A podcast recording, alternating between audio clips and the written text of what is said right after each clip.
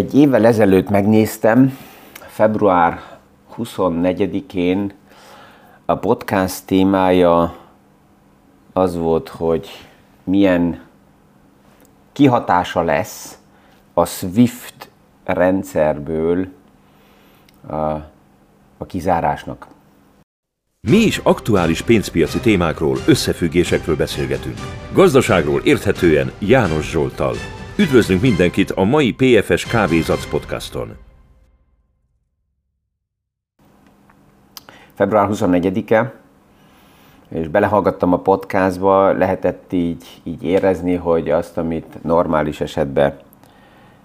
a podcastok előtt egy pár gondolatot összeállítok, és ugye most már ott vagyunk, hogy ezt a mai podcast ezt a mai podcastot is, hogy is mondják magyarul podcast sorozatot? Ja, tehát a sorozatnak a mai részét. Ezt 23-án veszem fel, majd 24-én lesz élesbe, és egy évvel ezelőtt ez, ez, ez nem is ment volna, szinte óránként változtak, alakultak a hírek. És gondolom, hogy ez a február 24-e a legtöbb embernek olyan, legalábbis én úgy éltem meg, mint 9-11, szeptember 11-e annó, hogy pontosan tudom, hogy aznap mit csináltam, hol voltam, amikor a hírek elértek, hogy Oroszország megtámadta uh, Ukrajnát, és uh, hasonlóan, mint 9-11, amikor volt, amikor a tornyokba mentek a, a repülők. Um, ja, tehát egy, egy, egy év, um, uh, hogy mennyire változtatta a paramétereket, azt is lehet mondani, hogy a what a difference a day makes, tehát egy nappal mennyire megváltozik sok minden. Az elmúlt napokban az arany kérdése merült fel, pont ezzel is összefüggésbe, hogy egy, egy hallgató írta, hogy már rég nem beszéltem az aranyról, ezért nézzük ezt is újra meg, világítsuk egy kicsit meg. Mint mindig nem azzal akarok foglalkozni, hogy jósolni, hogy hova megy az árfolyam, hanem megnézni, hogy mik az aktuális paraméterek, amelyek az árakat befolyásolják, és hogy ebből a szempontból lehessen a saját portfólióba újra és újra döntéseket hozni. Ami ebben a témában nekem érdekes és fontos, az úgynevezett World Gold Council számai, véleményei, ez azért is érdekes, mert um, főleg az aranybányák, azok, akik intézményi oldalról nagyon erősen az aranyjal foglalkoznak, nagyon uh, hallgatnak a World Council, Gold Councilnek a, a, nem a véleményére, hanem a számaikat is figyelik, és ebből látható, és levezethető, hogy, hogy mi történik egyáltalán ebbe a piacba. Az első kérdés, ami elért, ugye az az volt, hogy hát azt hallottuk, és ez volt az elmélet évtizedeken keresztül, hogy főleg az arany az egy biztosítás krízisekre, olyan helyzetekre, például a háborúra is, amikor, um, ha ez megtörténne, akkor ez jó, hogy a portfólióban van, mert ez védeni tud. És hogy az elmúlt évben is nem robbant annyira az aranyára, mint amit ezt egy páran elvárták, vagy a abszolút aranyrajongók ezt már évtizedek óta mondják. Ez azt is mutatja, hogy jóslások, és főleg, hogyha ezek dátumban vannak ellátva, vagy eddig és eddig hova fognak kerülni árfolyamok, azok már akkor, mikor ki van mondva, az nonsens, mert túl sok paraméter van, ami befolyásolja a különböző árfolyam fejlődéseket, és főleg a múltból nem lehet mindent előrevetíteni, mert megváltozik nagyon sok paraméter. Amit lehet látni a World Card Council-nak a számaiból, hogy a kereslet 2022-ben olyan szintekre emelkedett, mint amit 2013 óta nem láttunk. És három fő rész van az aranykeresletben, az aranypiacban. Az egyik az az ékszer, iparág, az, az a legerősebb, és ott dominál két nagyon erős piac arra majd kitérünk. A második része az a befektetői, befektetési kör, tehát minden, ami érmek vagy, vagy tömbök oldaláról az arany vásárolja, mind klasszikus befektetési kategóriát, és a központi bankoknak az aktivitásai, az központi bankok aktivitásai azok, amelyek mikor nyilvánosságra kerülnek, akkor ott elindulnak megint eh, különböző összeesküvési eh, hullámok. Ezeket ki is veszem, és ez az első, amit eh, értelmezni szinte fölösleges, mert a központi bankoknak a lépései az nagyon volatilis, nem is annyira kalkulálható, tehát megmarad a két fő szereplő, a, az ékszeriparág, és hogyha csak az ékszeriparágnak a a keresletét nézzük meg, és letisztítjuk a World Council-nak a számait csak erre, és itt éppen kattintok, itt van előttem a chart, akkor látjuk azt, hogy csak az ékszerkereslet nem emelkedett még meg a 2013-as szintre. Um, ott 2021 volt még erős, nagyon erősen visszaesett ugye az arany akár a Covid lockdown időbe is, 2020-ba. De ami döntő, hogyha csak megnézzük 2020, 21 és 22 között, elég magas szinten tartotta magát a, az ékszerkereslet, annak ellenére, hogy csak a kínai kereslet visszaesett 15%-kal. Azzal, hogy Kína ugye hosszabb ideig volt a Covid lockdownba, mint mi, ennek kihatása volt az aranykeresletre is, mert ugye Kínában nem voltak olyan támogatások, mint például Európába anyagi támogatások az embereknek, ezért nagyon sokan akár az aranytartalékokat kellett mobilizálják és eladják, hogy ebből tudjanak élelmiszert, gyógyszereket és az életet egyszerűen megfinanszírozni. Indiába is visszaesett az aranykereslet 2021 és 2022 között körülbelül 2%-kal, és ez azt jelenti, hogy most például a, kínai kereslet is körülbelül a Covid év 2020 szintjére visszaesett, és ennek ellenére azt látjuk, hogy a globális ékszer kereslet az aranyoldaláról mégis nagyon magas. Ez azt is jelenti, hogy ha most Kína megnyílt így az év végén 2022-től, akkor az első, amiben lehetett látni, hogy elindul a kereslet, az például az ékszer iparág volt, és ezzel az aranykereslet is, amit az elmúlt hónapokban lehetett látni, hogy itt ezért is indultak el az árfolyamok felfele, és India is hasonló helyzetben, ugye közel Kínához érint, érintett volt a kínai lockdownból, tehát ez azt jelenti, hogy most a nyitással, és hogyha ez tovább így is marad, akkor ebből a két fő piacból az aranykereslete az erősödik. Az indiai kereslet általában így évközben szeptember irányába egyre erősebb és erősebb és erősebb kezd lenni, mert Indiában szeptemberben van ugye a, a házassági idő, a házassági ideje, és az indiai kultúrában az aranynak a jelentősége egészen más szintű, mint amit mi itt Európában ismerünk. Tehát itt azt várja el a World Council is, hogy az idén, főleg ebből a székszeriparákból a keresket, az tovább erősödni fog. A kérdés persze itt nem az, hogy milyenek a hozamok, mert az ékszeriparágban nem hozam szemszögből van az arany vásárolva, ezért, hogyha a kamatok mennek felfele, akkor ezt a részét a piacnak nem érinti annyira a magasabb kamat, mint, mint például a befektetési részbe. Hogyha a gazdaságot nézzük meg, akkor az infláció visszafolytása, ez a központi bankoknak egy fő témája, és ez a része, hogyha emelkednek a kamatok, ez inkább gyengíti a keresletet az aranynál arra a részre, ami befektetési oldalról érinti a, az aranypiacot, mert azért ez tisztán látható, az aranynak nincsen cash flow-ja, az arany nem fizet kamatot, hogyha nagyon mennyiségbe vásárolja valaki meg, akkor pluszban még tárolási, biztonsági, szállítási költségek is hozzájönnek. És ezért, hogyha a kamatok mennek felfele, akkor azok a befektetők, akik cash flow orientált befektetéseket keresnek, azoknál az arany mellett megjelenik ugye a, a kamat, és az majd erről is fogunk a következő napokban beszélni, hogy már az, hogy a kamat megemelkedett körülbelül egy év alatt most nulláról, csak a dollárt nézzük 4,5, vagy március elején akár 5%-ra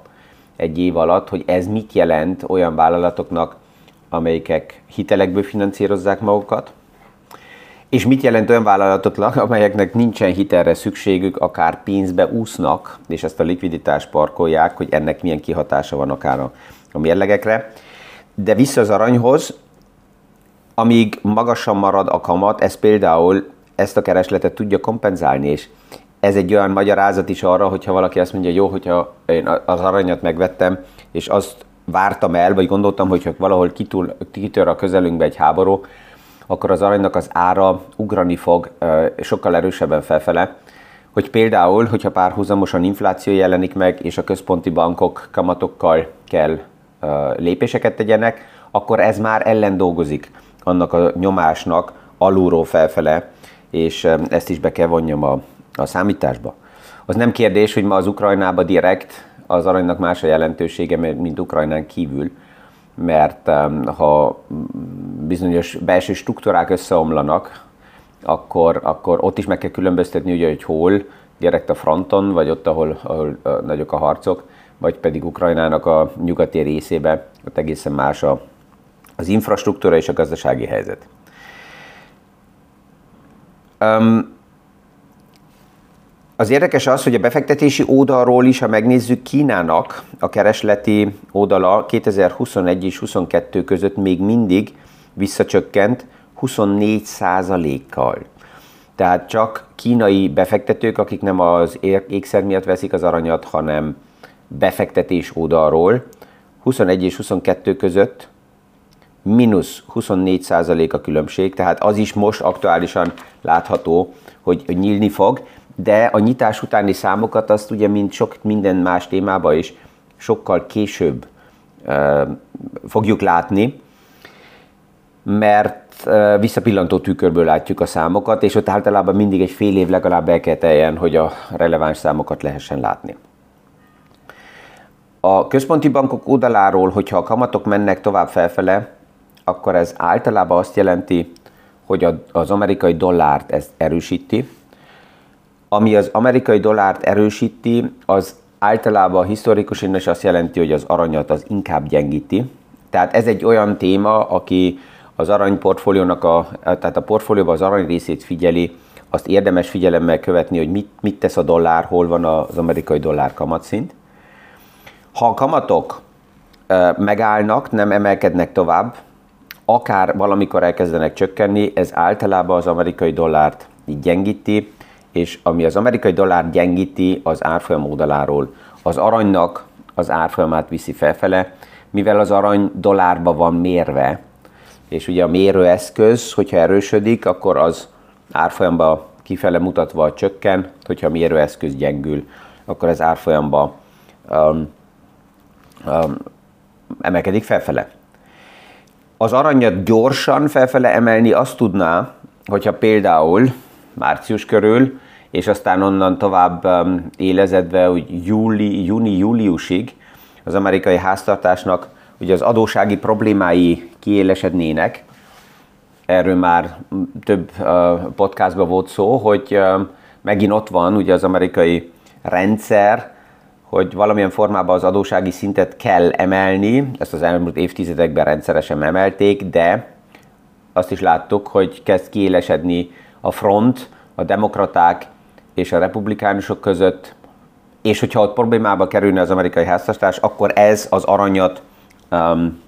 nyomná felfele már csak azért is, mert ez az amerikai dollárt gyengítené.